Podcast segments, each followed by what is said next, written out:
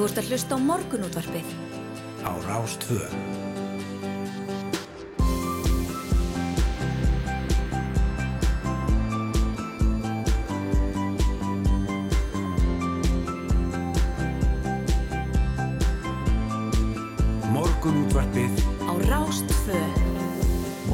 Býður góðan dag, 5. daginn 25.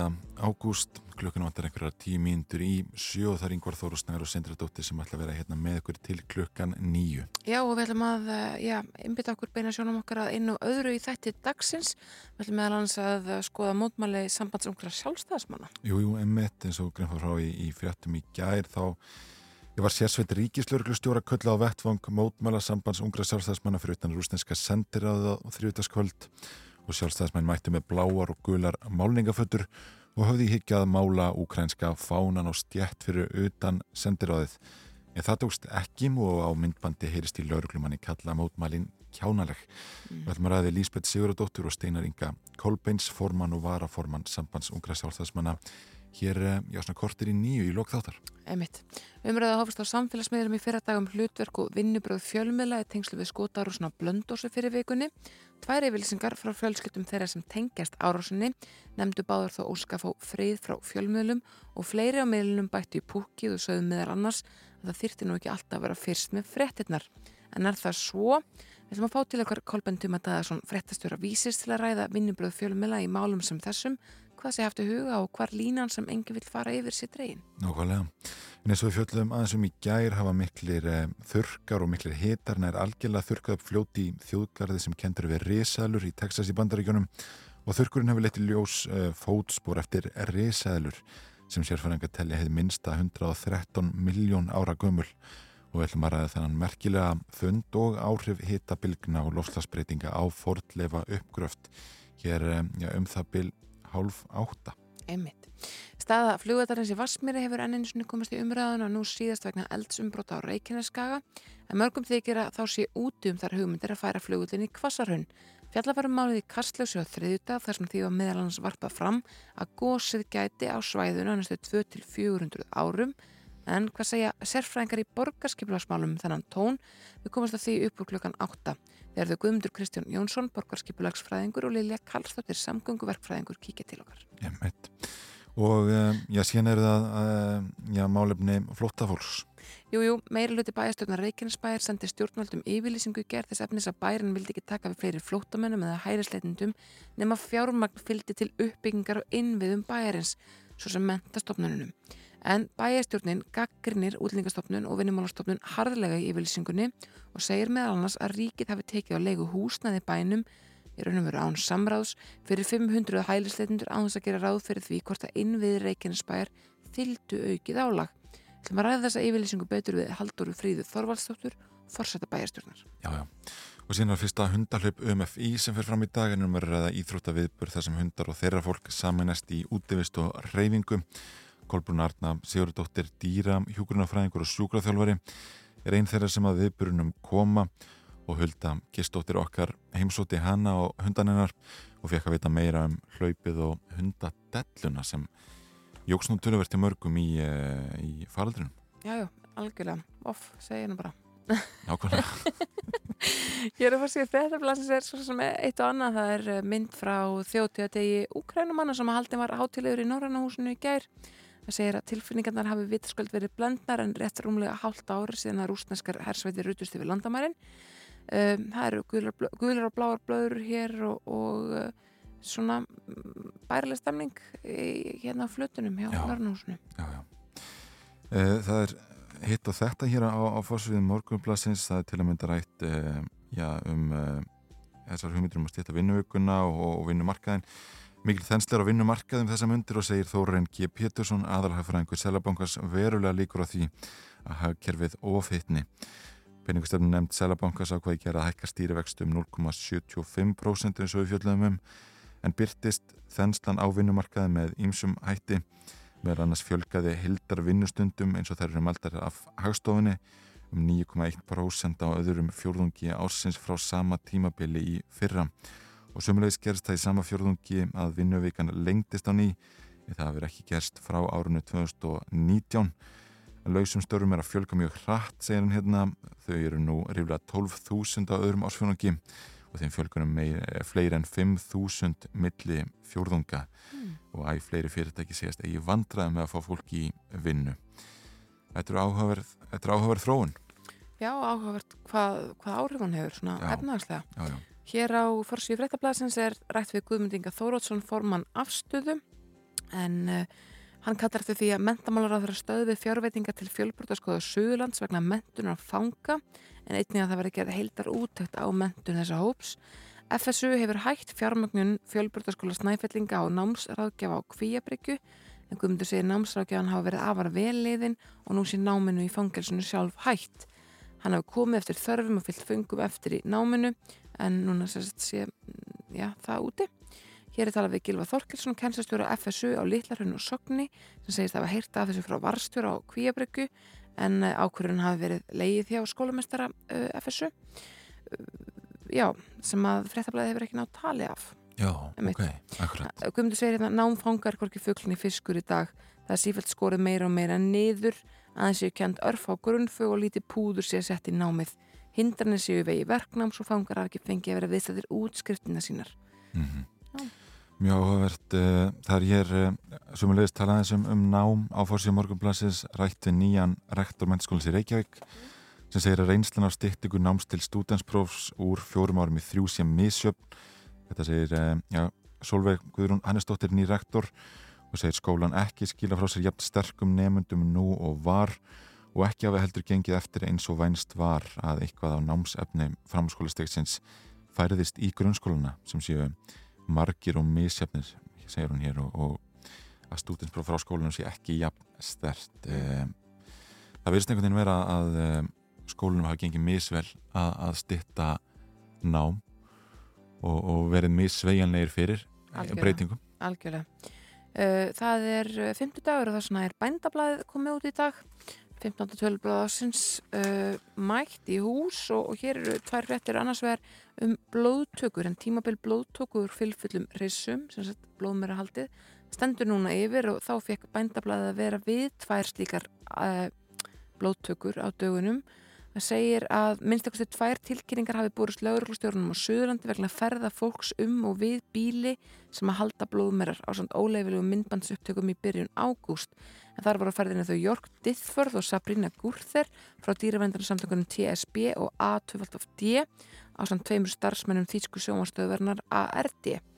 Jörg og Sabrina segja að þau hefur mætt mótlættir þegar þau komið við á búum og hugust ræða við bændur en áböðundur hefði ekki, ekki verið reyðbúndi viðtals eða samtals við þau og segja í viðtali að auglust sé að blóðbandur sé að fela starfsemi sína. Það er að segja, þetta dýravendunar fólk segja það. Þau óskattur upplýsingum og samtali við bændur sem að enn stundar starfsemina. Um, já, uh, eins og segi, hér er vantilega fjallað betur um málið uh, á þreymur síðum inn í bladi, 2021-2022 af því að, að bændablaði var hann á staðnum og fylgist með þessu öll saman og, og svona, já, uh, vantala tók myndir og eitthvað ég ætla að fletta og opna þetta bara. Já, það er maður að gera. Uh, Kanski rétt á meðan það má geta þess að uh, já, það er hérna törfust rættum um deilur uh, íbúa hjólísabíðarinnar á laugavatni við sveitistótt bláskóabíðar við hefum fjallað um þetta í þessum þætti um að, að já, það standi til að leggja niður þessa bíða á laugavatni. Og nú komið að flutningum og hérna eru já, ótrúlega myndir af, af já, til að mynda Kristján Óskarsdóttur og unnari Alla Guðmundsinni sem hafa nótið þess að dvelja á laugavatni en eru nú að rýfa húsitt niður og er hérna bara með, með tól til þess og, og eh, já, já, hér segir að, að gamalmenni séu í þunglindi vegna málsins. Já, það er ekki gott. Alls ekki gott. Uh, en það fennast eittast í það að við skiptum yfir á frettarstofuna, heyrum uh, af uh, tíðindum næturinnar á morgunsins og komum svo varum við spórið fyrir með veður og farð og já, bara erum við almennt í stuði hérna morgunartorfinu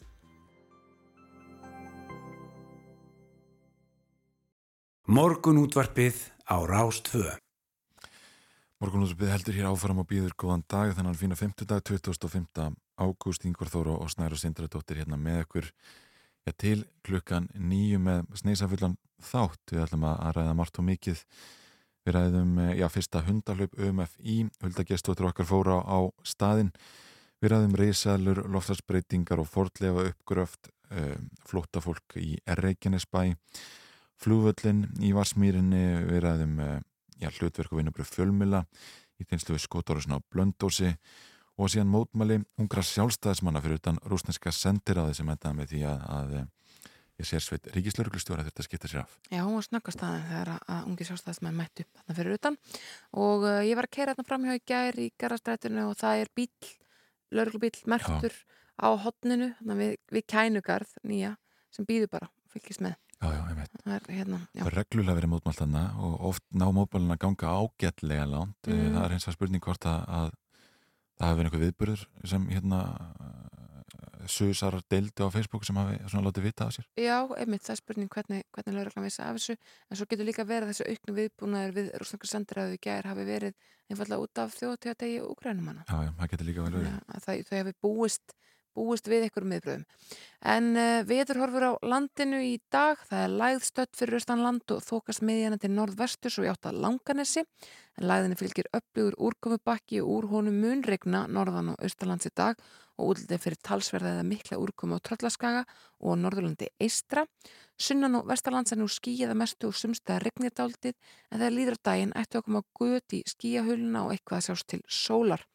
Áðurnefndir lægð fylgir einnig norðanátt og það má búast við strekkingi eða allkvæðsum vindi á austanverðu landinu sem getur verið varasamur fyrir, uh, fyrir aukutæki sem eru viðkamust fyrir vindi, til dæmis sjálísi eða húsbílar og það er svalt í reikningunni fyrir norðan og austan en alltaf 16 til 17 steg að hiti síðst á landinu mm. sem er nú bara ansinn áttara. Það var ágætt og eins og mörg átt ekki eftir þá er tölvörtum framkvendir núna á höfbrukarsæðinu og hér á, á vegagerðarinnar eru vegfærandur beinur um að, að virða merkingar og hraðatakmarkanir og sína aðgátt á vinnusvæðum. Í dag verum albyggaður 660 metrar langur kapli hægri agrinar ringbrútar til vesturs frá tangarði að njarðargötu og áallega er að framkvæmdina standi já, frá klukkan 6 í kvöld til 10. Það voru sumulegis lokað á bústaðvegi frá nýja ringtorkinu og að Reykjanesbröð til og með 28. Eh, ágúst vegna vegavinu eins og um áðurætt og þessum aðstæður fyrir hjálegar eru ekki hæstaðar þá þarf að kynna sér leðavalið. Nú uh, það er líka lokað til austurs á helliseginni í dag hjálið mertum þrengsli, það er áallega að framkvæmdi þar standi frá klukkan nýju núna til klukkan uh, tólf í hátteginu og vestfjöðum er standið því að loka djúbvegi við Kamsnes vegna vinnu við ræsaskipti veginum lokað Já, og nú var loka núna klukkan 5 í nótt og það var reikna með því að hann er það opnaðar nýju núna klukkan 7 þannig að það ætti að vera opnað núna í þessum tölu orðum og eh, já, já, rétt að heimsækja við, við að gera þarinnar mm. Eh, áður en haldið er á staði vinnuna. Algjörlega. En við ætlum að spila smá tónlist þetta fyrir ykkur í dag og við eh, vindum okkur í þegar það sem við ætlum að hafa eftir að bauði. Þetta er Konguló með Hattis Hörndags. He'd rather swing from a cable than sit by the table and eat cake. I fire up before you're even awake.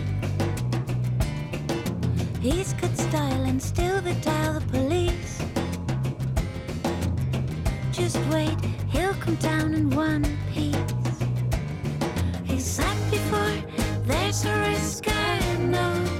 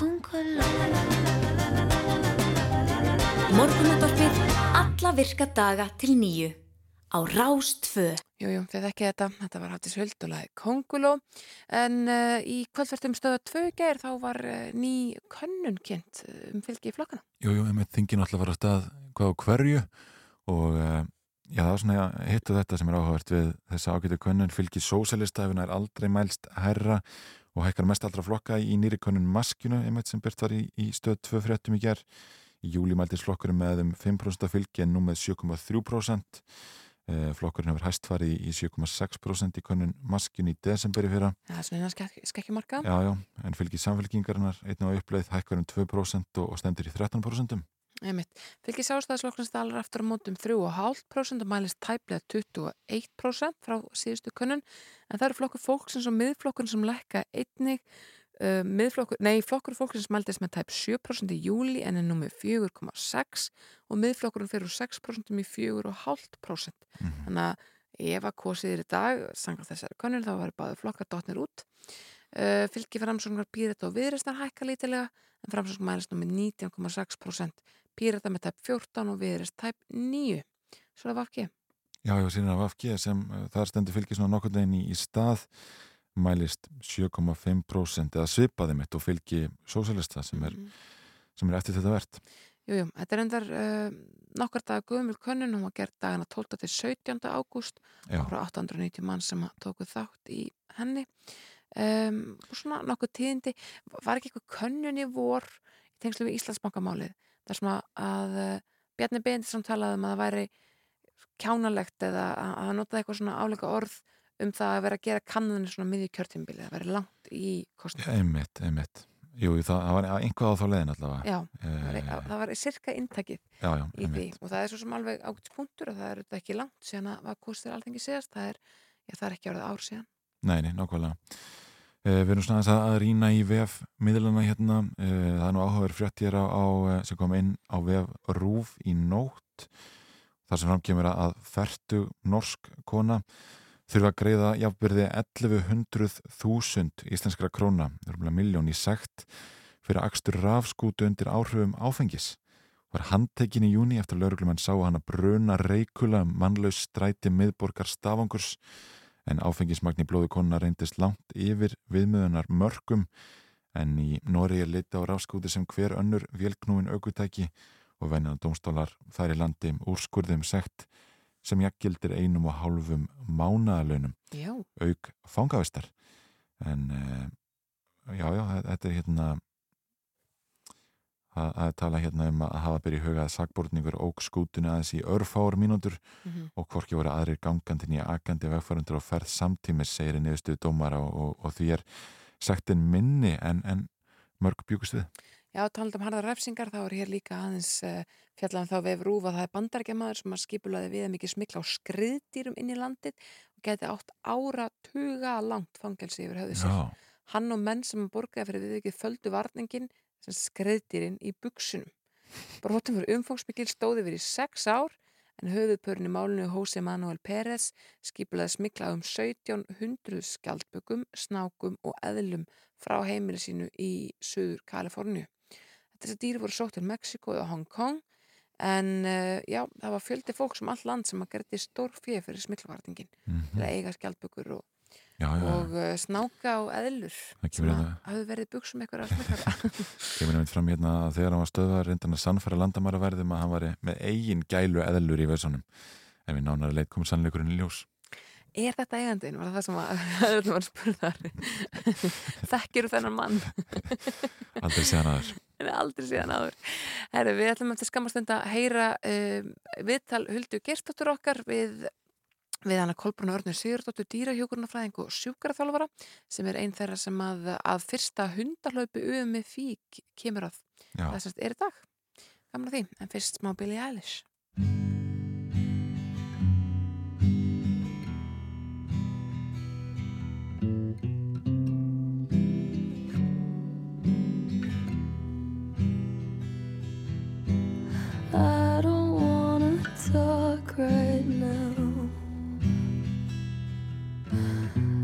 I just wanna watch TV. I'll stay in the pool and drown. So I don't have to watch you leave. I put on Survivor just to watch somebody suffer. Maybe I should get some sleep. Sinking in the sofa wall, they all betray each other. What's the point of anything?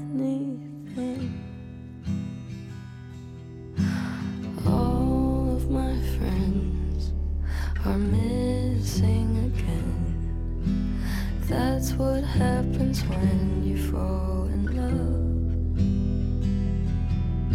You don't have the time, you leave them all behind.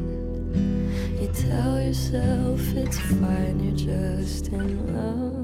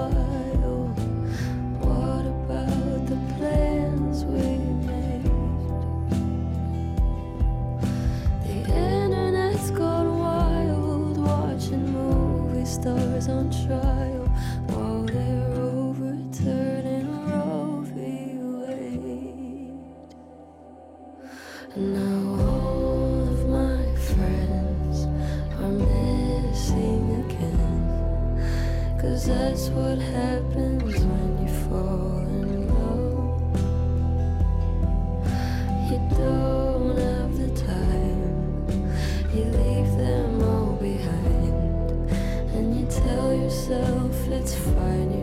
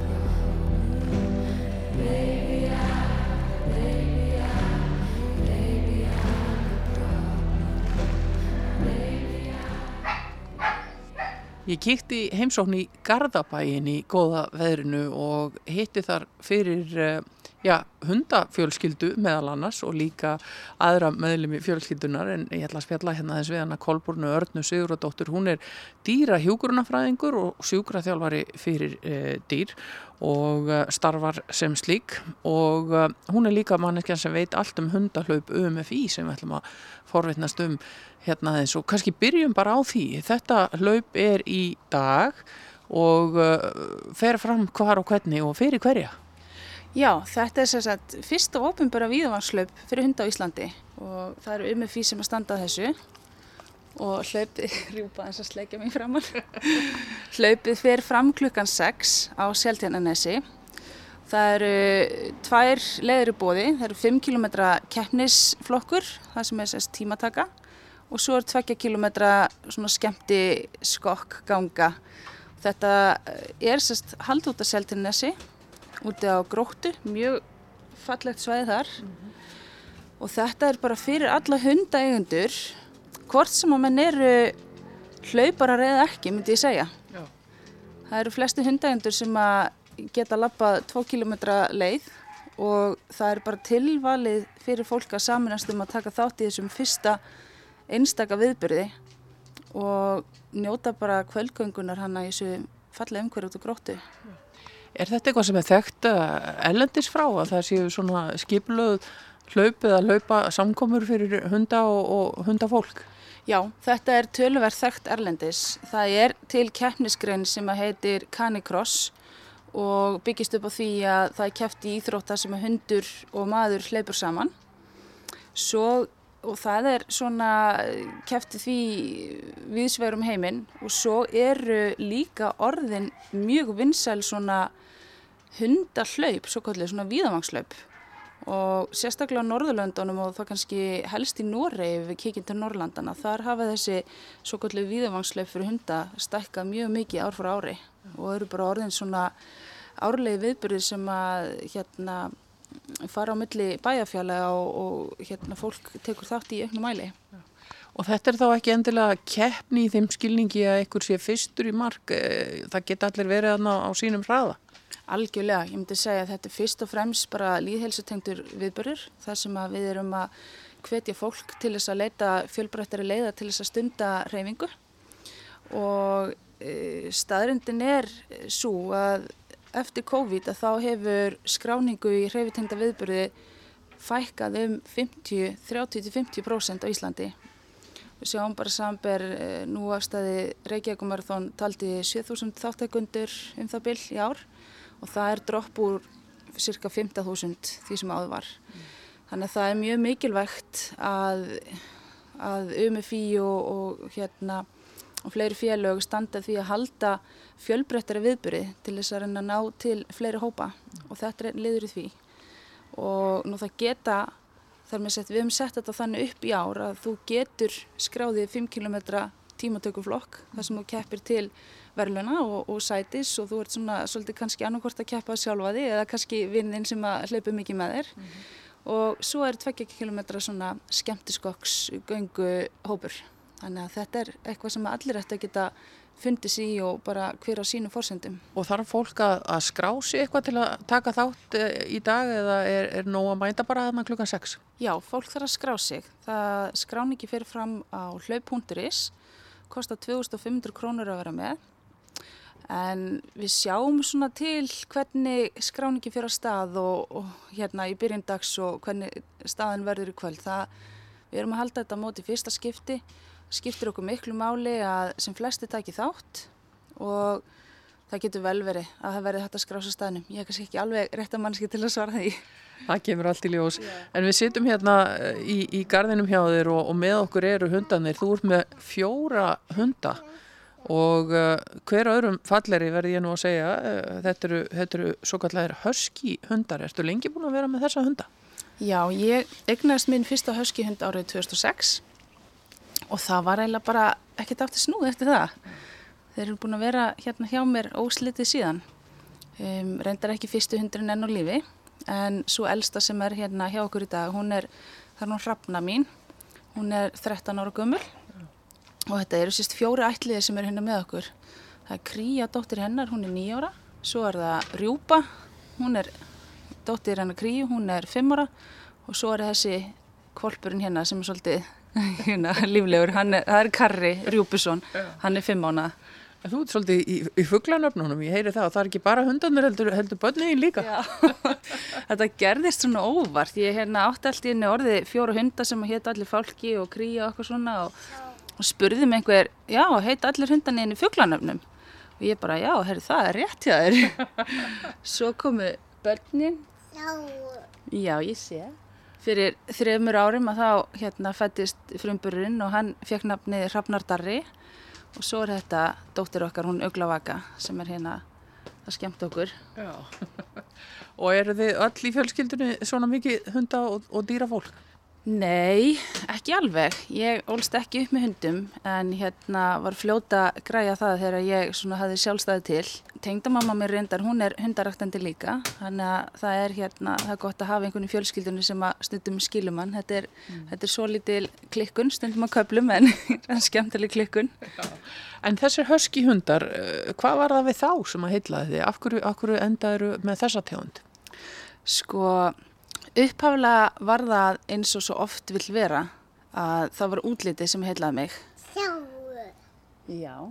En eh, ég, svo fór ég að lesa mig til um það og því meira sem ég las og meira sem ég kynnti mér því svona heillari var ég og ég sá að þetta voru hundar sem að bara henduðu mér bæði sem personu og bara mínum lífstíl. Ég hef alltaf verið hérna mikið í íþróttum og, og hérna og þessum tíma var ég farin að færast af kannski keppnisellinu meira bara í náttúruna að hérna ganga mikið á fjöll og, og hlaupa utanvegar og svoleiðis. Og ég sá það að höskihundarnir þeir smell pössuðu með í, í svona útvist og hreyfingu.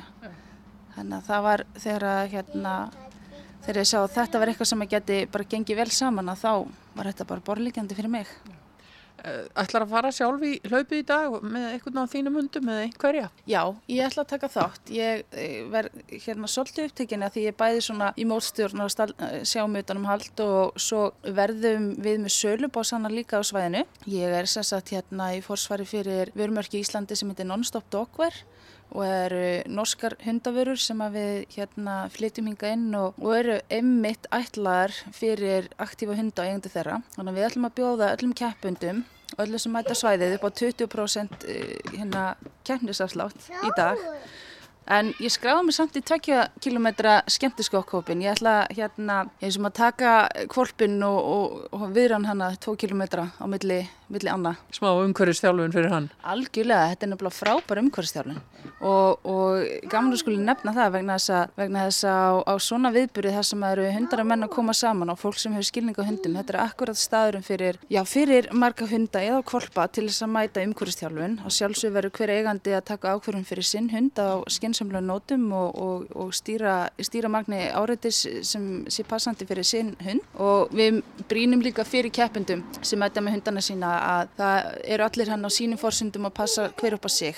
Þetta er ekki staður fyrir hunda til þess að hittast eða helsast. Þetta er staður fyrir hunda til þess að stunda hreyfingu með eigandarnu sínum í áriði innan um aðra hunda. Þannig ef, ef allir passi upp á, upp á sig þá ætti þetta alltaf að fara vel fram. Gæti orðið góðu liður svona í, í bættri hundamenningu og svona auk, aukinni þáttöku hunda bara í okkar daglega lífi. Algjörlega og það var náttúrulega hérna lengi vel alltaf eins og nára þá saminuðust hundaegundur um að ganga niður laugavegin. Þetta var áður en að laugavegurinn var opinn fyrir hundum. Þegar ég held að síðan og bara kannski réttur um tíu ár síðan að hundar, hundar máttur hundlega ekki bara sjást upp á laugavegi. En það var alltaf einn dag í ári þar sem að hundar máttu fara laugavegin og þá var laugavegsganga HRFI, hundarættafélag Íslands og það var svona svipað dæmi, þar mættu hundar með eigundu sínum og gengur saman niður laugavegin. Við erum komið lengra en það en það er samt ennþá ábátt og vandi í okkar samfélagi að þeir kemur hundum og hundamenningu. Þannig að núna tökum við hendur saman og við ætlum að mæta út á gróttu og, og skokka eða hlaupa saman. Frábært að heyra og gangi ykkur bara sem allra best í dag og, og njótið þess að fara saman hundar og fólk. Kolbrún Arna Siguradóttir, dýra hjúgrunafræðingur og sjúkraþjálfari, hundaræktandi og eigandi og já bara með hundadellu held ég geti leift mér að fullera eftir þessa heimsók. Takk kærlega fyrir að gefa tíma til að spjalla eins við mig. Takk kærlega.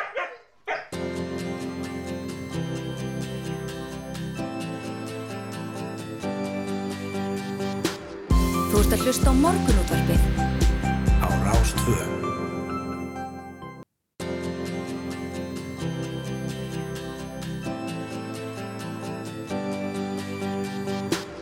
Þú ert að hlusta á morgunútvarpið á Rástvö.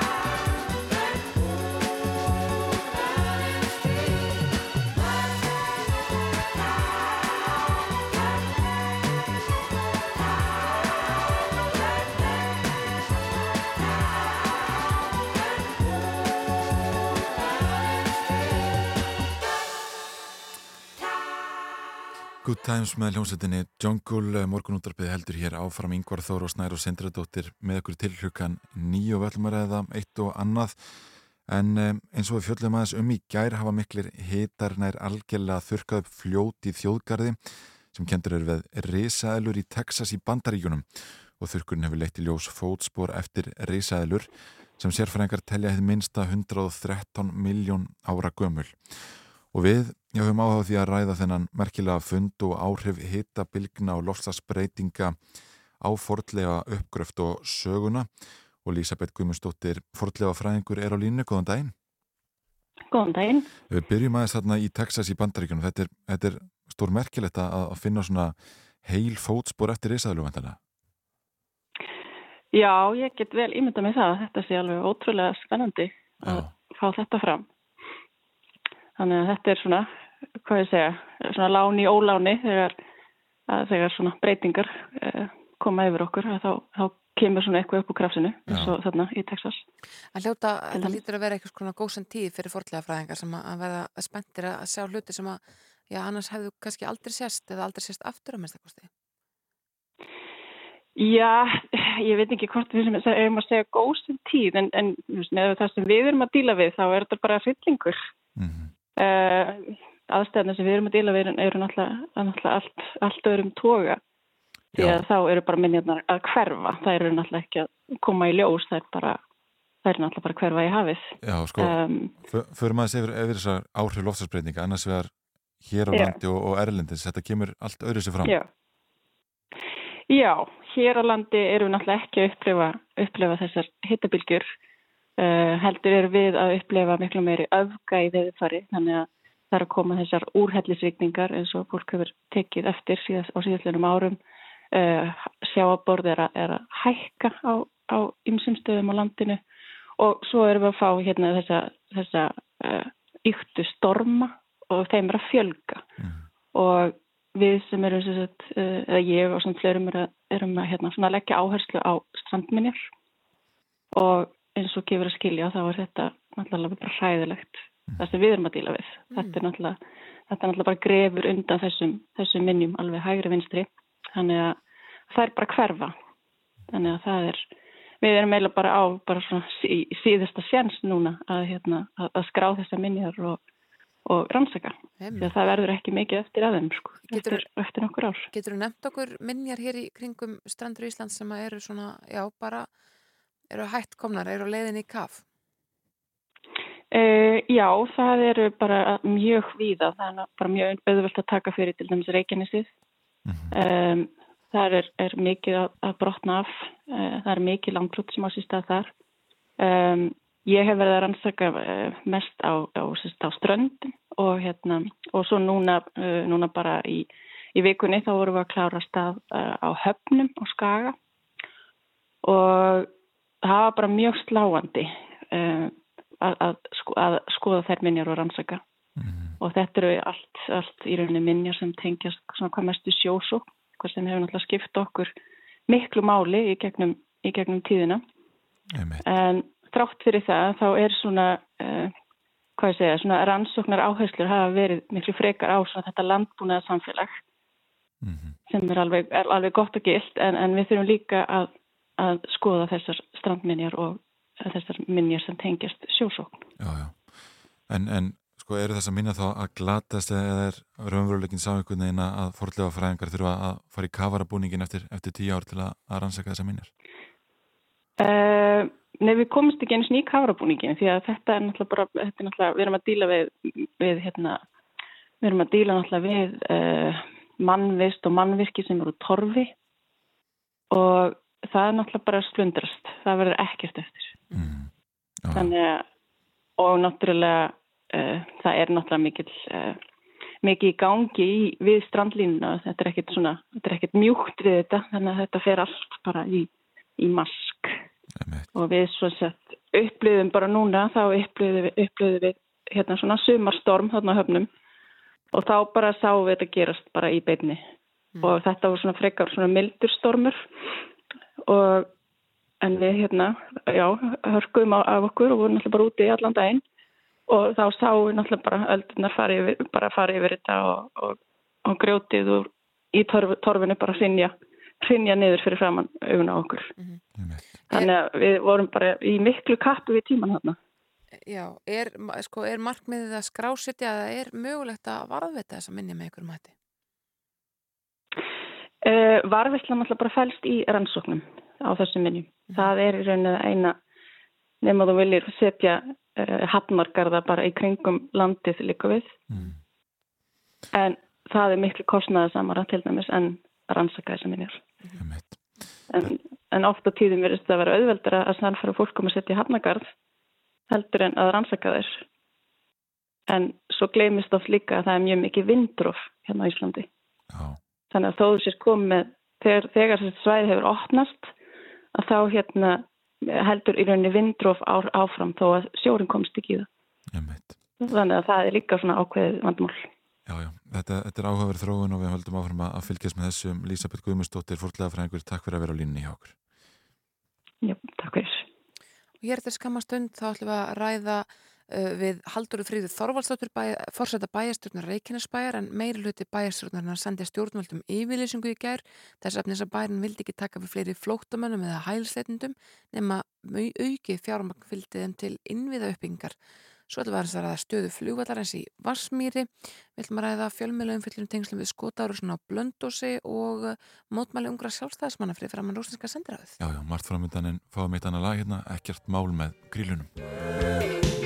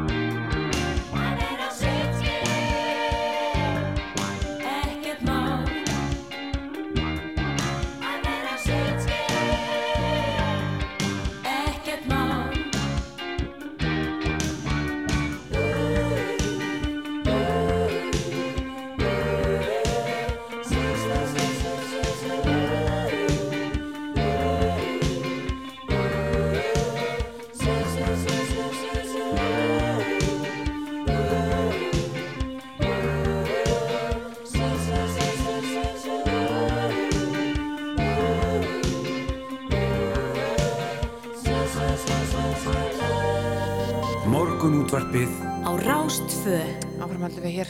Meira hluti bæjarstjórnar Reykjanesbæjar sendi stjórnaldum yfirlýsingu í gær þess efnis að bærin vildi ekki taka við fleiri flóttamönnum eða hælisleitindum nema fjármagn fylgdi til uppbyggingar og innviðum bæjarins, svo sem mentastofnunum. Uh, bæjarstjórnin gaggrinir útlendingastofnun og vinnumálastofnun harlega í yfirlýsingunni og segir meðal annars að ríkið hafi án samræðsteki og leigu húsnaði bænum fyrir um 500 hælisleitindur að þess að gera ráð fyrir því hvort að innviðir Reykjanesbæjar þyldu aukið álag. Hún er komin á línunum hjá okkur Haldur og Fríða Þorvaldsdóttir fórseti bæjarstjórnar, góðan daginn. Góðan dag. Segð okkur aðeins frá þessari yfirlýsingu og svona, já, tilur þennar, hvers vegna ákveðið þið að, að senda uh, stjórnvöldum þessi skýru skilabóð? Já, við, það kannski til að leiðrætta það svona strax í upphafi, þá erum við ekki að óskæfti meira fjármagn, heldur samtali við, við þær stopnarnir sem að við erum í, í samskipti við varandi þennan málaflokk. Já, þið segir samt að við þessi lagt- eðlilegt að auki fjármagn fylgi einni til styrtar grunnstóðum og innviðum sem eru komin að þölmorkum líkt og til heilbyrðstofna Suðunisja, sálfræðþjónustu, ráningar og starfsfólki leika og grunnskóla í lögjast og sjúkrafrætninga. Það stendur í Algjörlega það, já, það tengist öðrum samningum og ég ætla kannski aðeins bara, það er mjög mikilvægt að hafa með hugtökinum málaflokknum sem kannski aðeins á tæru af því að við erum annars vegar með hér uh, einstaklingar sem eru í leita vernd sem eru þá að býða eftir að, að þeirra mál verði tekin eða umsóknir verði tekna til afgræslu og síðan eru við þá með flóttafólk sem fengi hefur leið, leiði eða viðkenningu á stöðu þeirra. Og við erum annars vegar með samning frá 2004 um mótöku fólks eh, sem eru hér í leita vernd sem telur 50-70 manns í hvert sinn og erum mjög ána með hann, uppfyllum hann vel og reynum að dreifa búsuti eins og kostur er. Og hefum gert ímislegt í, í því til þess að tryggja það að, að fólki sem líka kemur til okkar lífi vel og það eru einungis þrjú sveitafélum með slíkan samning. Það er Reykjanesbær, Hafnafjörður og Reykjavíkuborg. Svo er það nýja samningurinn sem gerði var í fyrra um samranda mótöku flóttafólks en hann hefur farið stækkandi og nú telur hann hér í þessu sveitafélagi rúmlega 200 manns og þar tókum við líka stór skref í að mynda hér teimi og, og, og búa til úrræði innan skólan en námsúrræði fyrir börnin og þar eru tvö sveitafjöru til viðbútar auk þessara tryggja sem ég nefndi áðan það er Akureyri og Árborg sem taka þátt í því verkefni. Uh, síðan eru mótöku úrræði eins og hér á Suðunessum sem eru á vegum ríkisins en ekki í samvinni við sveitafélagið og þar eru, það er töluveri fjöldi fólk sem ekki fær þjónustu sveitafélagsins heldur þarf að leita til Reykjavíkur eftir þeirra þjónustu og það hefur ítrekka verið reynd að fá okkur hér til að stakka þessi samninga okkar til þess að þjónusta það, það fólk sem er hérna hjá okkur en við bara tristum okkur ekki í það þannig að þar eru við að, að tala um að, að hérna, megi gera en það betur. Já, ummitt. En hvað skýrir þetta samráðsleysi á milli, milli sveitafélagsins og, og ríkisins og, og kannski sérstaklega hvað var að leigu á þessu húsnaði sem nefnt var hér í upphæðu? Mm -hmm. Já, við, við skiljum það alveg að nú fjölgast þeim sem koma hingað bæði leita vernd og þeim sem koma hér og, og fá stöðu flotta fólks um leiðu þeir koma eins og við þekkjum Úkræna og fleiri. Og þá koma upp þessar áskoranir varðandi búsetu. Og það er þannig að ríkiskaupu þetta auglís eftir húsnæði og við bara búum þannig hér í, í mjög öll stækkandi sveitafélagi. Við vorum eitt þarfi sem var ekki orðið alveg fyllt af íbúum í þær íbúi sem þar voru til staðar og þá eru þær íbúir teknar og leiðu sem vil bara svo óhefnilega til að við eru alla staðsettar í, í einu hverfi í, í þessu sveitafélagi. Mm -hmm. Mm -hmm. En uh, sko, þetta er pínlítið flókimála á því að, að þið auðvitað hafið þekkingu og, og að ykkur leiti bólmakt þess að taka við þessum hópi sem er í ofsalega viðkamri stöðu lítið þið svo á að, að það sé bara komið nóg hjá ykkur eða að þið getið hérna miðlaða eitthvað reynslu til annara sveitafélag hvað er? Mm -hmm. Já, við höfum akkurat bóðið það að miðla okkar reynslu til annara sveitafélag því að okkur finnst þetta verkefni vera mjög mikilvægt og það er samfélagslega mikilvægt að taka þátt í því að taka á móti fólki sem er að flýja hinnar ímsu aðstæður. Og við viljum gera það áfram og gera það vel.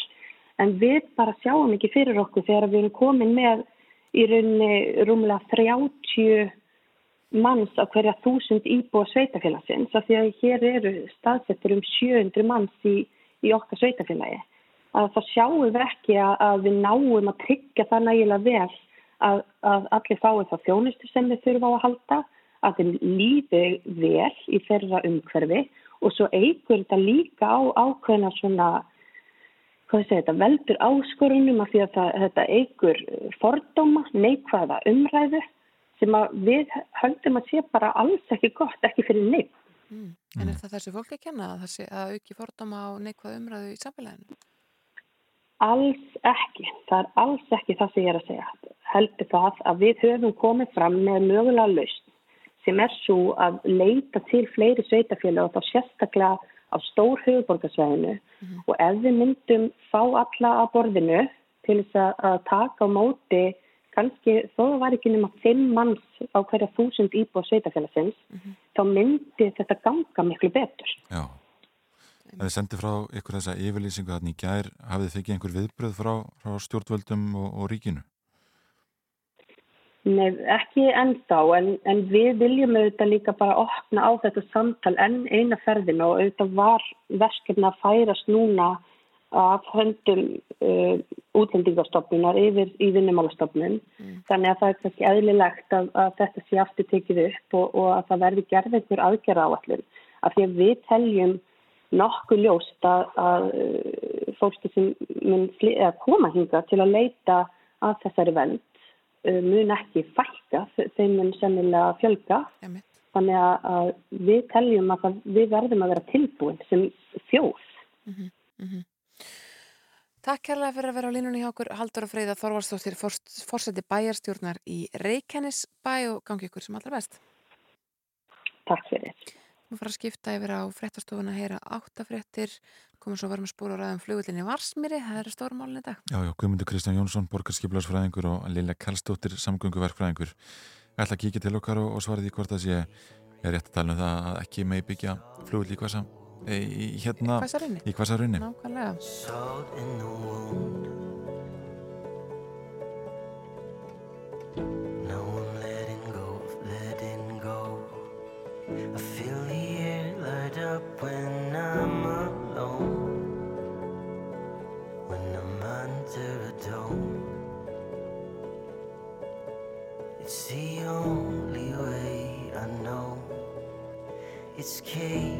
Not feel great when you're in a storm. This happiness is hell on earth. Somebody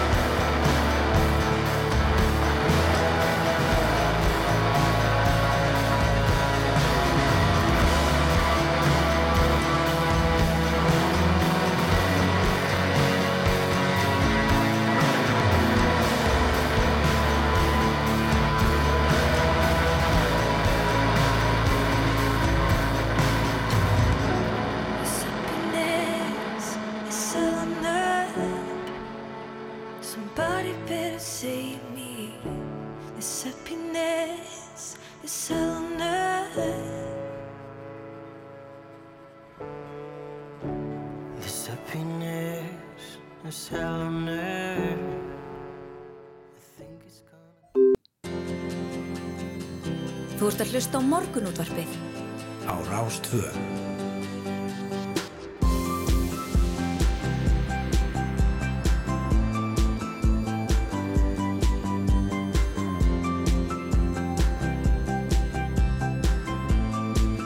Morgunútvarpið á Rástfö. Aframaldum við hér í morgunútvarpinu á Rás 2, Snæra Sindardóttir og Yngvar Þór Björnsson með ykkur til klukkan 9 og hér eftir skamastund ætlum við að ræða aðeins stöðu flugatarins í Vassmýri. Já, já, með mitt, uh, hún hefur svona komist enn og aftur í umræðina og nú síðast verðna eldsumbrota á Reykjaneskaga. Mörgum þykir að, að þá séu út um þar hugmyndir að færa flugvöldin í Kvassarhaun en er það rétt við ætlum að ræða við Guðmund Kristján Jónsson, borgarskipulagsfræðing og Lilju Kallstóttur, samgöngu verkfræðing. En fyrst, flott.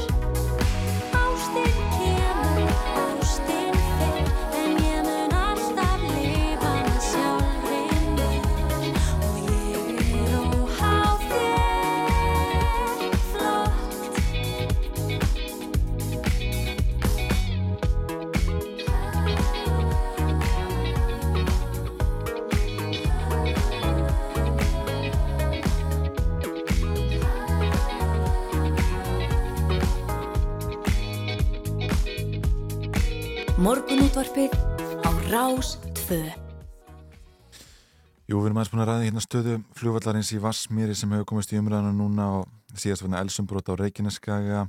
Það var fjallaði máli í Kastljósi á þriðudag það sem já, var meðal annars varpa fram að gósi geti já, verið þarna á, á já, geti gósið á svæðinu á næstu 2-400 árum.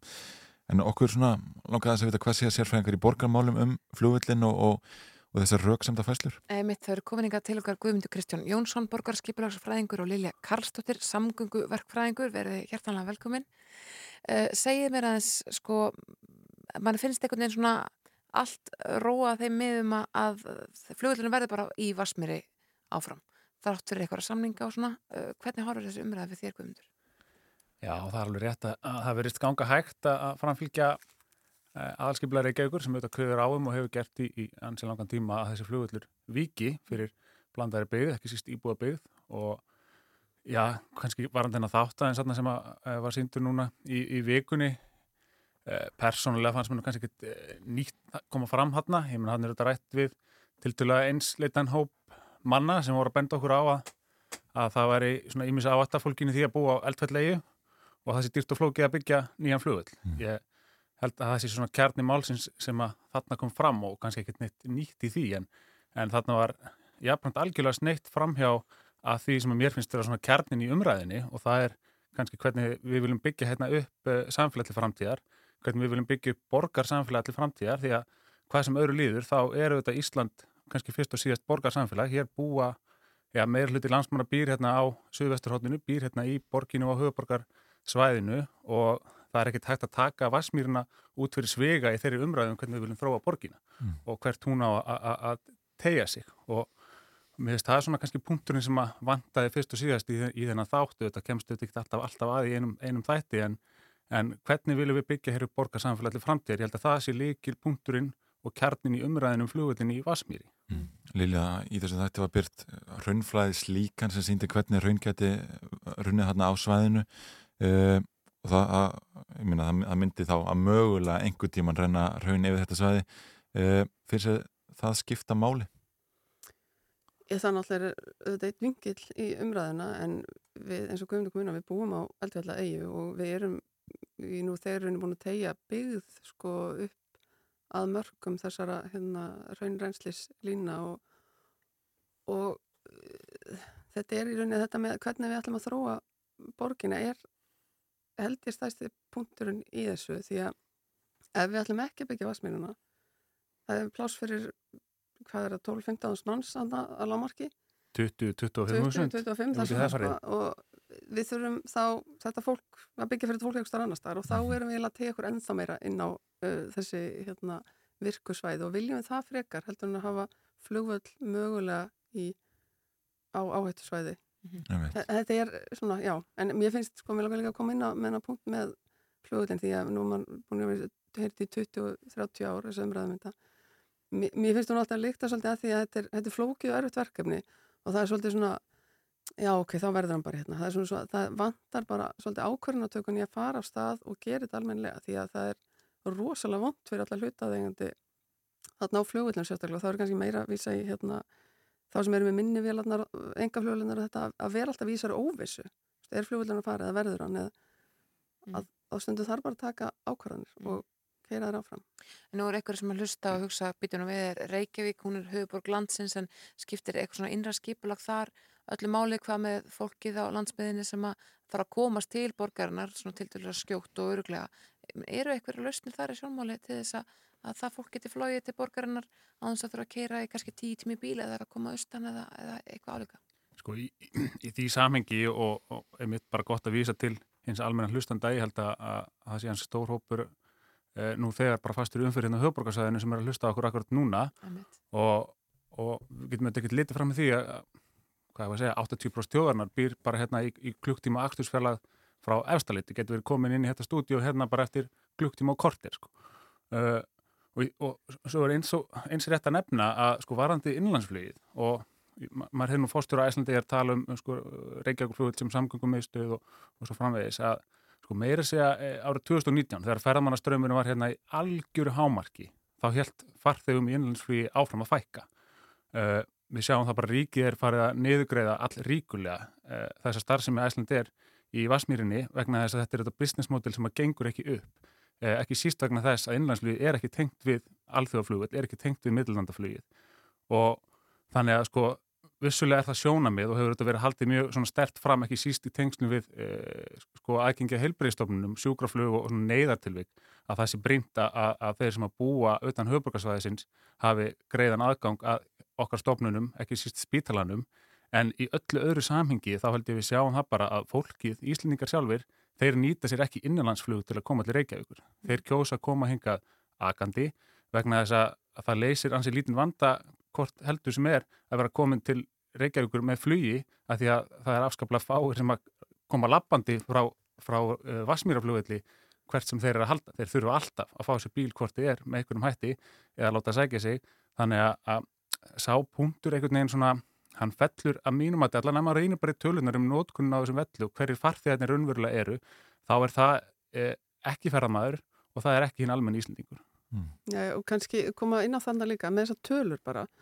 Ég hef nú oft verið að benda það að, hérna, ég held að stærstu farþegartölunar hafi verið 2013-14 þegar voru 1100-1200 farþegar á dag. Í dag er þessi tala komin undir 1000 farþegar á dag. Bara til að setja í samhengi við eitthvað, við erum með strætóleið 1 hérna sem er með sko 5-6 þúsund á dag mm -hmm. og bara það er svo mikið rópandi ósamræmi í fókusnum sem þessi innanlandsflugulur fær meða við svo margt annað sem þyrti svo mikið meira á fókusnum að halda. Mm. Sérna hafa verið farið rauk fyrir því að færa millilandaflugið bara alfarið til keflaugur og ebla þá alminninssamgöngur þarna milli. Eh, sko hvernig, er, er það álutlega kostur eitthvað mati? Það er, sko, það er eitt sem ég myndi líka að lóka benda á að það er oft vísað til rögnunemndirinnar með þessa valkosti í kringum höfuborgarsvæði að þar voru skoðað þannig að lungursker og bæsastæðinni, holmseiðin og kvasarhænnið en verkefni rögnunemdirinnar var bara skoða það. Þau mátti ekki skoða keflauguflugöld sem valkosti, það var ekki luta verkefni. Þannig að við höfum aldrei skoðað keflauguflugöld sem alveru valkost fyrir innanlandsflugið. Og þá maður velti fyrir sér, af hverju má ekki einu svona skoðan sem valkost? Er fólk hrætt við að hann koma vel út eða hvað er málið? Mér veist allan blasa við manni, þar fæst frábært tenging á milli innanlandsflugs og hérna millilandaflugs -hmm. og punkturum með heilbreyðstjónustuna. Af hverju er ekki hægt að ebla þá heilbreyðstjónustuna á heilbreyðstofnum Suðunisja fyrir þau mál sem að þarf að leysa það. Já, eða bara helbriðstjónustina bara í öllum landsfjörðin. bara Bara byggja upp eh, almennilega helbriðstjónustu fyrir fólki í landinu, hvar sem það býr. Það er ég sjálfsög krafa í nútíma samfélagi, en auðvitað er Keflavík eh, einn valkostur fyrir innlandsflugið og, og það sem er kannski einna helst bent á í því samingi er að þá þarf að leysa eh, varaflugvöll á Suðvesturhóttinu. Við getum ekki reytt okkur á eitt flugvöll hér, ekki síst vegna þessari eldræringa sem að við vitum og, og svona skjáltavirkni á Reykjanesinu sem að auðvitað ógnar ekkit síður eins og Lilja benti á bæði íbúa byggðarsvæðinu sem er að tegja sér nær og nær þessum svona uh, hraunflæðismódelum sem við sjáum til dæmis í kastlustæðinum í daginn en ekki síst bara ógnar auðvitað Suðurleysin 1 og, og í framhaldinu Suðurleysin 2 þegar hún lóksins kemur og auðvitað allir byggða Reykjanesi. Þannig að Jú, vissilega sjóna með að við þurfum að hafa varaflugta á, á söðu vesturhóttinu, en það er bara að mínum að þetta úrlaustunrefni sem er, getur ekki verið svo flóki að leysa, ekki síst í því samhengi að við vitum bara á allir sem vilja skoða málið uh, út frá til dæmis umhverfisjónumöðum, lofslagsjónumöðum sem eru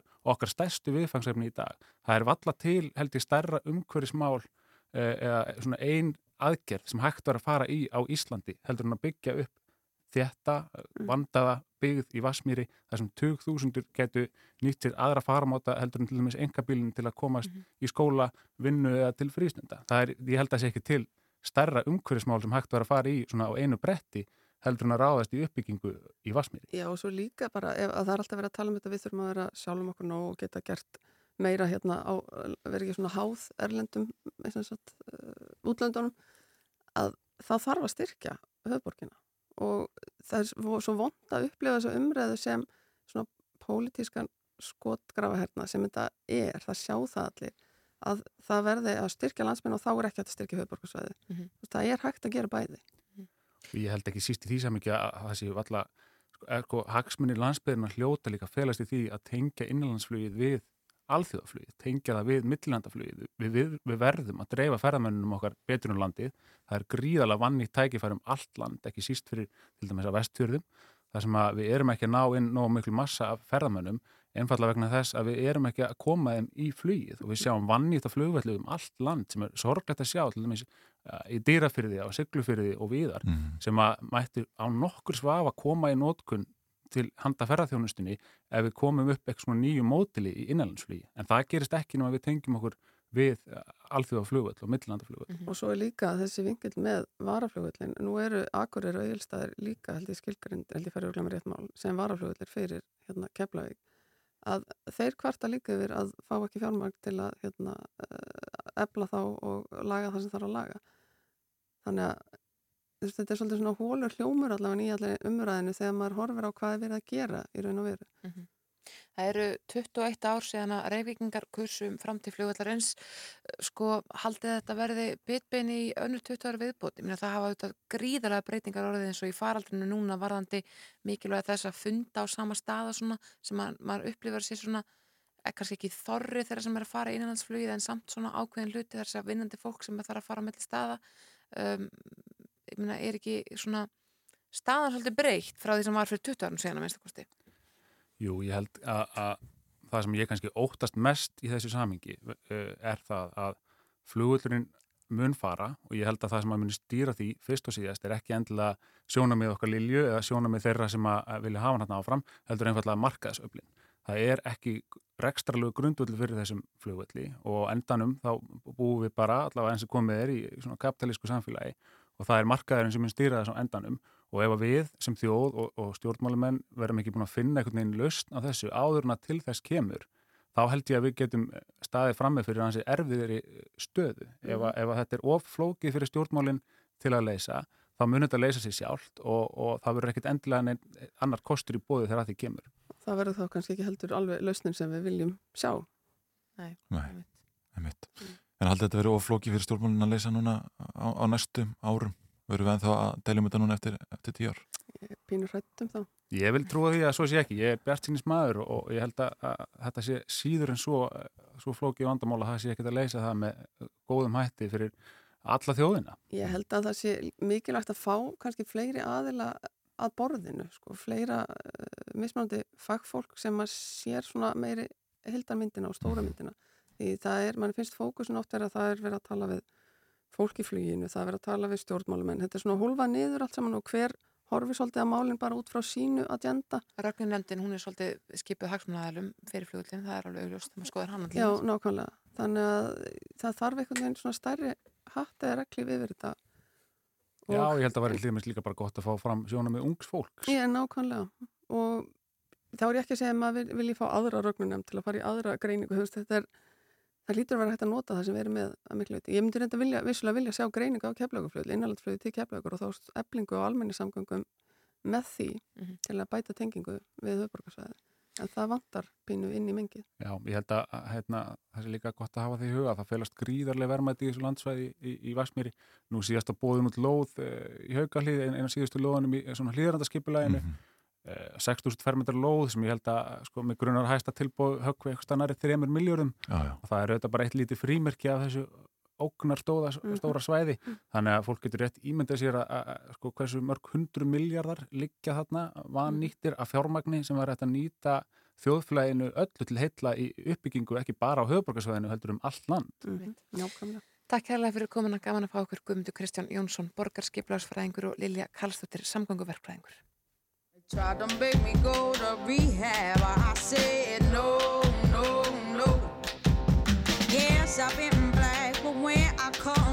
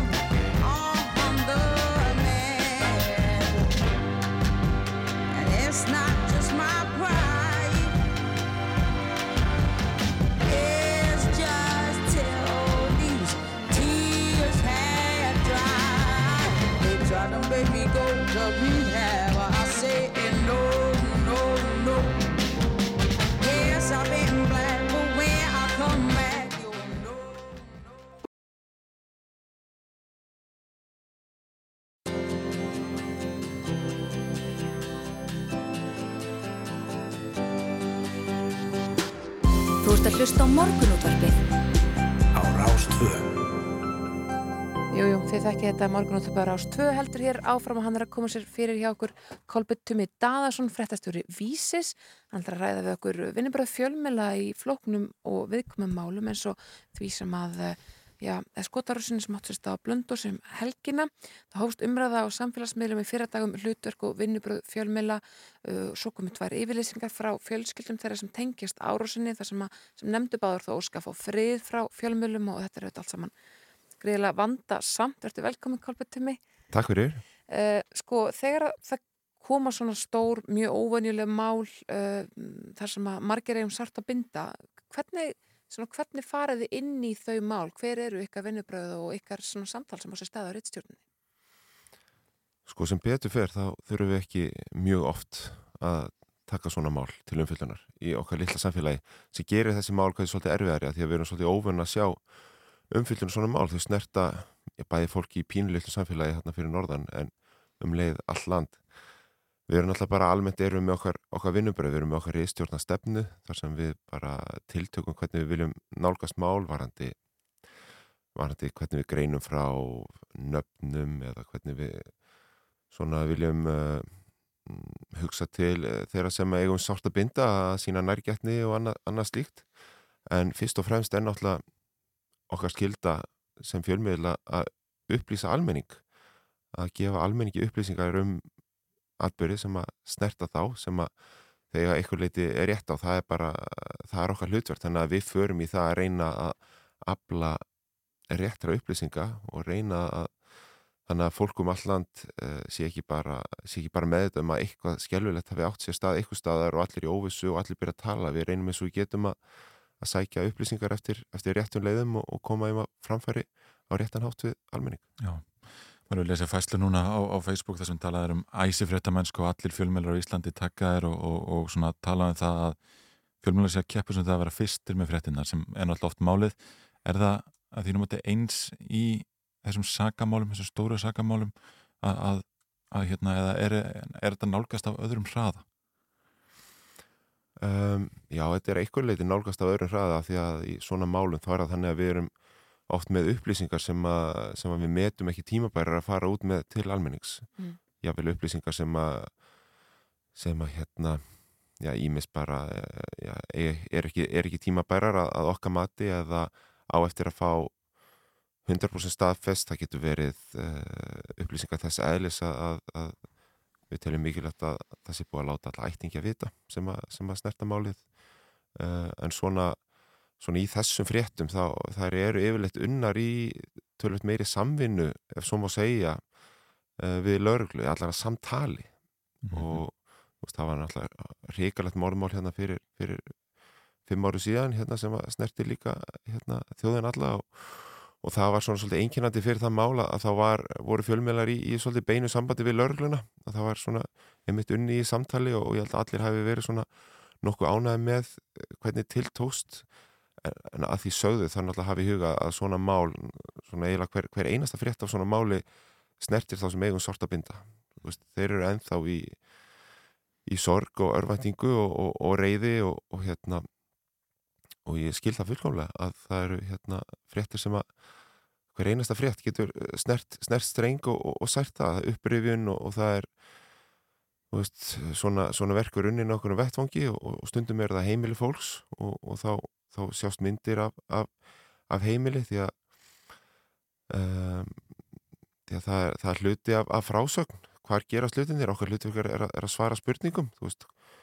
Hvað gerðist og hvar gerðist það og, og hvenar og hvers vegna og, og þetta eru spurningar sem við, við reynum að svara meðfram því að, að sína tillitsemi en, en þá skiptir miklu máli að, hérna, að löglu yfirvöld uh, síni hlutverki okkar eitthvað skilning og um leið myndi ég segja uh, almenningi um, bara skilja það rétt almennings að, að, að vita því að það eru, það eru þúsundir spurningar sem vakna í svona máli sem, sem er mikilvægt að að þjóðfélagi ræði og, og þú veist, svona nefnir bara sem dæmi bara geðhilbriðismál í landinu og, og skótvapna mm -hmm. og þá var umræðan sér tekin á, á réttum fórsendum með, með réttar upplýsingar fyrir fram að sig en, en að við séum gett stíga kannski raungskref og, og það fólk sé byrja álíkt um eitthvað sem að sem að mögulega gerist ekki eða gerist öðruvísi af því að hérna af því að lauruglar hennilega vill ekki, vill ekki svara spurningum. Einmitt.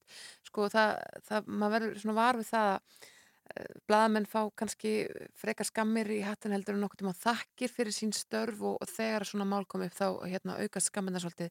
Ef verið að hafa mikið samband upp á fréttastofa fólki sem er bara reytt yfir umfjöldunni Nei, ekki mikið, ég myndi ekki segja það. Það er frekar einmitt að maður taki eftir ykkur á, á, á samfélagsmiðlum að ykkur skrifa fæslur um að hætti það að fjalla um þetta mál hætti það að vill enginn heyra neitt um þetta mál og og ég held að það sé bara þó að það sé einhverju sem hugsa svoleiðist þá held ég að þetta mál er bara þess aðeins að það verður ekki hægt að fjalla um þetta mál. Þetta er mjög alveglegt mál. Það eru tvei látnir, einn alveglega særður og, og, og eins og segja ótal spurningar. Þannig að við munum halda áfram að fjalla um þetta mál. Við munum reyna að gera það að nærgætni og, en ég held að massin í landinu vilji vita nákvæmlega á, á endanum vilja vita nákvæmlega hvað gerist þarna og hvernig við sem samfélag telja að fjölmiðlar uh, okkar miðl og ykkar miðl og, og fleiri miðlar leiki stórt hlutverk.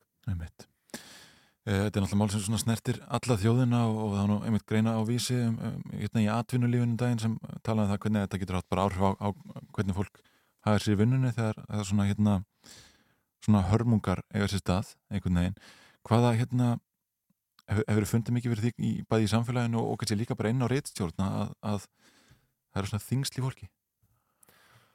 Um, já, ég fundi, fundi fyrir því bara út um allt. Þetta er náttúrulega máli sem, að, sem allir er að tala um. Að allir, þetta skiljur enginn hvernig svona getur gerst í, í okkar samfélagi. Þetta er, og þetta er svona einhver leiti eitthvað sem öðruvísi mál. Það eru mörg svona mál hérna. Já, svona þegar maður heyri fyrst af eitthvað svona málum, það er einhvern veginn, uh, maður drefur strax á álíktun einhvern veginn að þetta tengist eitthvað skonar ókjæfi þar sem að allt er í einhverju volaði en þannig er bara einfallega fjöl, fjölskylda sem einhvern veginn er allt í norðin fornalamp og eitthvað sem allir tengja við það er allir fjölskyldu og, og þetta er svona svolítið held ég margir sem tengja við það að svona þetta hefði geta verið ég mm. Talað um fjölskyldunar sko, hvað gerist svo þegar að koma tværi yfirlýsingar frá fjölskyldum þeirra sem tengjast árásunni þar sem þeir óska eftir því að fá frið frá fjölmjölum eins og það er orðað og það talað um að í annari yfirlýsingunni að fjölmjölar hafa verið að ringja í þau, flytja villandi fréttir og svo framvegs, sko hvað samtala sér stað inn á fréttastofu að minnst eitthvað ykkar þegar slík yfirlýsing byrtist, ég minna, er þá tekin ákvörðunum um, um að stoppa alveg eða hvernig takið ákvörðunum að halda áfram? Við náttúrulega bara lesum yfirlýsinguna yfir og, og, og reynum að skilja svona hvað það er að segja og, og ímynda okkur og mögulega ringja ræða við tengda aðila um að reyna átt á því hvað, hvað það er, hvort það séu við eða aðrir eða eitthvað sem hefur gerst í, í okkar ferli sem, a, sem við myndum vilja endur skoða og, og en aftur halda áfram að, að hérna því miður fyrir þetta fólk þá er þetta atbyrju sem, að, sem mun aldrei hérna uh, sem verður aldrei leiðrættur og, og svona í, í, í framtíðinni það verður hérna mikilvægt fyrir alla að, að, að þetta veri til líkt að leitt og, og, og allir í samfélaginu viti, viti hvað gerist þarna á okkurri og, og hvað við getum gert til að koma fyrir að gerast aftur og það verður áfram mjög sárt næstu dagar, vikur, ár fyrir þetta fólk en, en ég held að okkar miðl eins og aðri miðlar reynum að stíga valega til jarðar mm -hmm. flytja fréttir þess að skipti máli samlega því að reyna að sína þess að við hlutega nærkjörni Mm -hmm. Ég held að þetta sé ágætt lokar Kolbjörn Tumi Daðarsson fyrir þetta stjóri vísist. Takk fyrir að koma til okkar. Takk fyrir mig.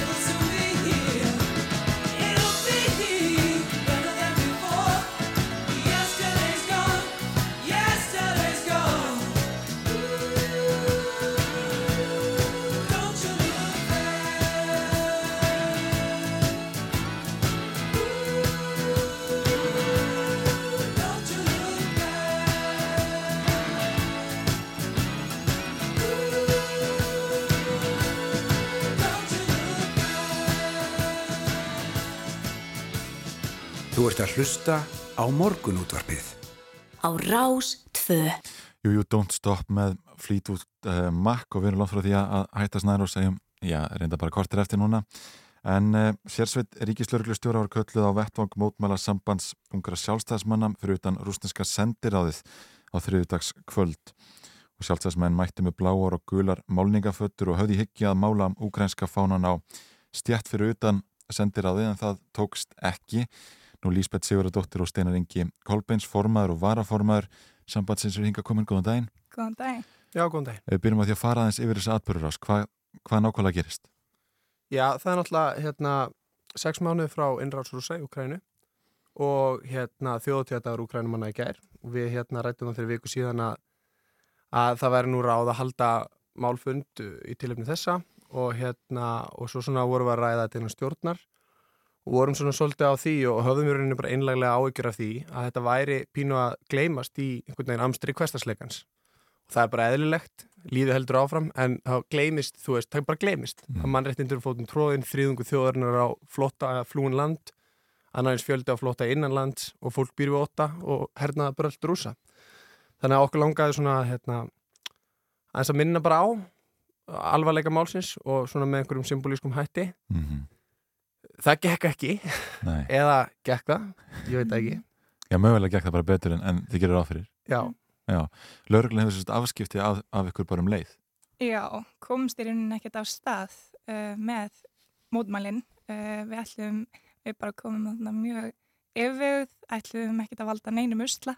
Um, vorum bara með hérna, málingafötur með tveimur litum og nokkra rúlur og hérna, ætlum var bara að mála uh, göttuna, gangstétina í fánalitum Úgrænu til þess að sína samstöðu. Mm -hmm. og uh, þeir eru fljótir á vettvang lauruglan svo sem kannski eðlulegt þegar, þegar þetta er svona þessi tími uh, kannski hafa uh, mátt vænta einhvers einhverja mótmæla í tengslum við þessa dagsetningu sem var í gær en það kom okkur svolítið óvart hvað er voru fljótir að stöðva okkur mm. á vettvangi. Sko það voru auðvitað eitthvað sem að hrukkuldi við þegar sá svo frett og hugsa að nú er heimurinn búin að snúa sér á kvolf þegar samband okkur sástafsmannastæði fyrir sko borgarlega óhlýðni fyrir fram að sendir á hvað hérna, hvernig var þessi ákvörðin tekin bara hjá okkur að ráðast í aðgerð sem er já, mjög kannski jafnvel fordamalus fyrir sambandið? Já, sko ég vil nú samt ekkert meina það að sé, þetta sé eitthvað fordamalust fyrir okkur. Ég meina við, þetta er málefni sem að tala beint inn í okkar hjarta. Mm. Uh, og við höfum frá upp að verið mjög afdráttalus að að sína samstuð uh, með úkrænumunum í þessu mm -hmm. og uh, höfum verið þar með öðrum unglegarhengum að taka virkan þátt og uh, tala hátt fyrir, fyrir þessu málefni. Þannig að þessi hugmynd bara kom upp og vel tekið í hana innan stjórnarinnar og við svo sem höfum kannski eitt mikinn tíma vildum gera þetta í tengslu við málþingi til þess að vekja aðtekli. Það var kannski ekkert svona höfumálið að þetta kæmi frá okkur Við vildum bara sjá þetta gert. Uh, þetta hefur verið gert í borgum í Európu mjög víða. Uh, rúsneski, nei, fyrir ekki ukrainski fánin, uh, málaðir fyrir framar rúsnesku sendiræðin, mm. myndir reistar af Pútín, skofmyndir og allt hvaðina. Þannig að okkur þóttu þetta kannski mjög rótægt í rauninni bara frekar svona í, í samræmu við það sem hefur gengið og gerst í Európu og, og höfum svona kannski lengi hugsað af hverju er enginn búin að gera þetta. Og, og ef ekki við þá hver? Og það var kannski ekkert leikilatrið að þetta kemur frá okkur heldur bara að þetta er þið gert Þetta er samt svolítið skemmtlegu punktur sko og maður sá það alveg í hérna, umræðum á netinu og svona hérna, þú veist, útrúlega gaman að fá sko svona rósið sko fyrir einhvern aktivism en samt að fá sko sjalla krakkarnir og jakkafætta krakkarnir og allt þetta sko þetta er svolítið góð blanda. En þú veist, auðvitað er þetta í okkar anda allt eins og í anda ungar jafna að manna ungar vinst í græna hvaða er skilju, veist, þetta er ekkert Veist, það, er, það eru bara allir sammólum það að standa með Úkrænu sko. En, en síðan er það vel að merkja sko, sérsveitin sem hefur áskiptað af ykkur, það er næsti bíl á vettvang segi Lörglann eh, og það var myndbandi í dreifingi í gær. Steinað þess að þú ert að diskutera aðeins við Lörgluna og Lörglann verið segja að, að þetta sé nú hálf kjánaleg móðmæli hjá okkur. Já, sko, sko það er, hérna, þetta er svolítið svona klassíst bara, ég meina það gerist eitthvað, þú veist, svo færa það í fréttir, allir meilar að fjalla um það, þú veist, þetta er nú kannski ekkit eitthvað veist, eitthvað aðalmálið skilur mm -hmm. þannig að auðvitað, þú veist, bjagast eitthvað þessi þú veist, það þú veist, það er allt ínum búið máli með einhverju myndi sem við morðið fyrir einhverju ofbeldi höndu lögreglu sko. það var bara alls ekki tannig sko. Veist, þetta fólk bara, þetta er bara og eins og kom fram í svari lögreglu ger þeir eru embætsmenni, þeir eru líka bara fólk já, já. og hann segir þarna eitthvað á, á vettvangi sem auðvitað maður svona, veist, á staðnum við erum þarna með þessar málingafötur og með þessar rúllur og veist, maður svona eitthvað, herru býtu, hvað sorglegt, hvað, herru, þú veist nei maður, eh, hérna, þú veist, það er kannski ekki alveg akkurat það sem þetta er, en þú veist það er ekkit aðalmálið. Það er ekkit aðalmálið, þetta er bara eitthvað sem hann segir á staðnum. Uh, myndbandi var nú tekið niður og hérna við rættum það hérna, við garða rættum það sem setti myndbandi inn, þú veist. Auðvitað hefur bara átt að sleppa að setja myndbandi inn. Þú veist, það tekur bara fókusin frá því sem skiptir máli. Hver er punktur mótmælana, hver er punktur þessa gjörning sem svo má kalla? Að hérna, það er ekki einhver ummæli lögreglumanns á vettvangi hann getur bara hafa, hérna, verið að hafa vondan dag sko, leðilega vakt. Svo kemur einhverju jakkafætta krakkar skilur En svo er annar lag í þessu máli og það er það Steinar að þú ert aðstofamaður umhverfis og auðlindar á þeirra Einmitt. aðstofamaður á þeirra í Ríkstjórn Íslands. Sko, er það við hæfi að, að maður þinni stöðu sé að standa fyrir mótmálum fyrir utan erlend sendir Já, það bara geta allir haft sína skoðan á því sko. Ég taldi það við hæfi að hérna, minna á að það er stríð í Úgrænu, minna á að fólk er að búa við og það er brotið á mannreitnum fólks, fólk er að búa við hernaðabröld uh, rússa, þriðungu þjóðarinnar er á flótta, annar eins fjöldi á flótta innanlands, All, öll þjóðin býr við óta og ég meina fólk getur bara haft hvaða skoðun á minni stöðu sem það vil en ég held að það séu allir sammál um það að staðan í Úgrænu, hún má ekki glemast staðan mín í því samengi þú veist, ok, ef að það er eitthvað issue þá er fólk bara að diskutera það á netinu sko. já, já, einmitt. ég ekki að þetta klæti súsarinn sem er með stæla.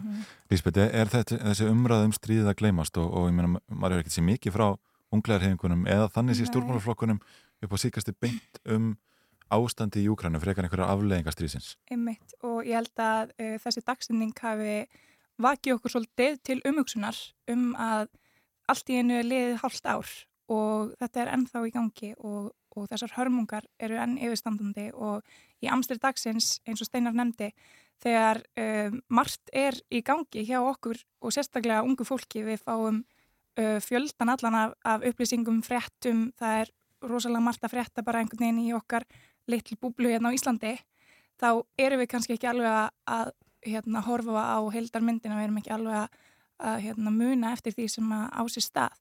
Þannig ég held að það sé uh, bara mjög rétt að þetta, þetta áða til að gleymast og við vildum uh, leggja okkar á mörgum til þess að minna á og vonandi uh, svona núna stöðlega því að þessi umræða, fari frekar á flug og ánægilegt að sjá aðrar unglegarhengar taka undir með okkur og ég byrju vonið til þess að við getum í svona krafti okkar saman aðrar unglegarhengar haldi áfram að vek- vekja þessu og minna á og ég hérna, við heldum málþingi í gær, gær uh, voru með frábæri erindi og mjög fróðlega erindi og hérna ég held að, að það sé til dæmis eitthvað sem við getum haldið áfram inn í veturinn uh, núna var mikið talað um það á málþinginu gær að um, nú er búið að hérna, stríðið byrjaði februar, nú er sumar liðið og helsti ótti fólks er í rauninni veturinn.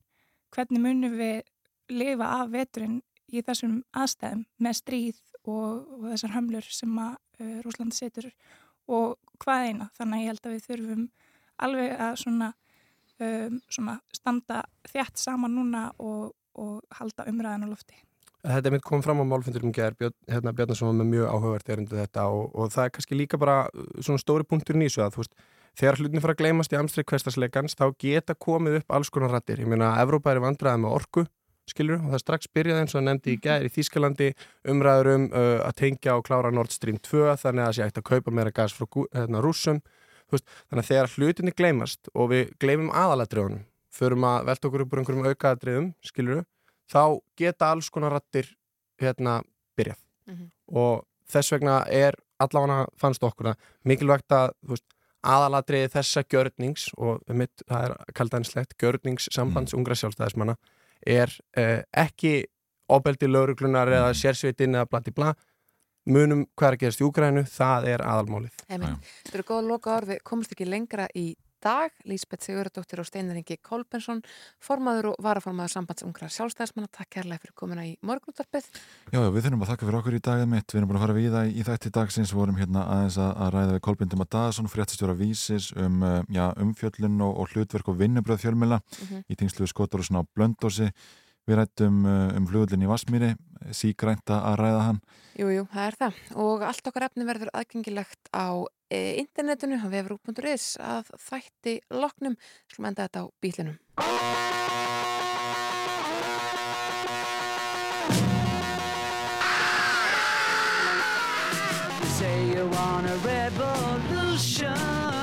Well, you know, we all want to change the world.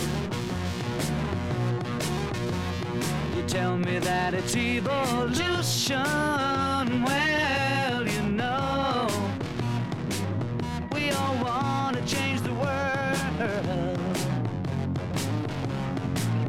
But when you talk about destruction, don't you know that you can count me out?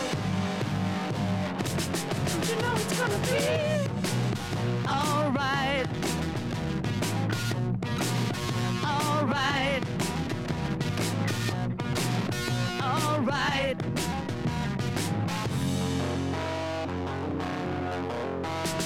You say you got a real solution.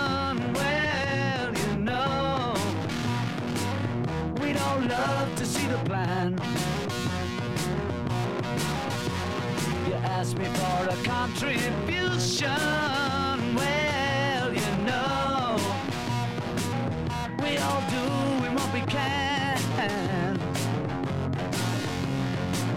But if you want money for people with minds that hate, all I can tell you is, brother, you have to wait.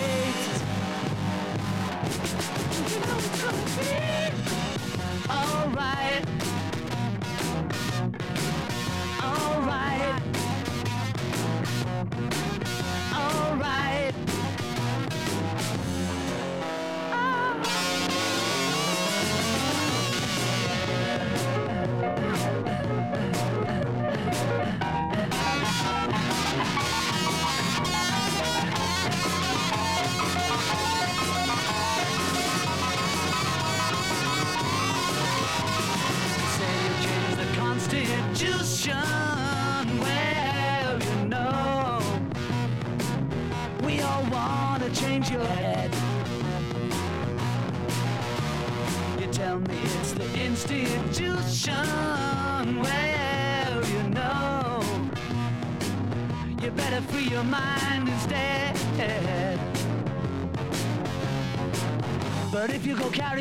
of Jack.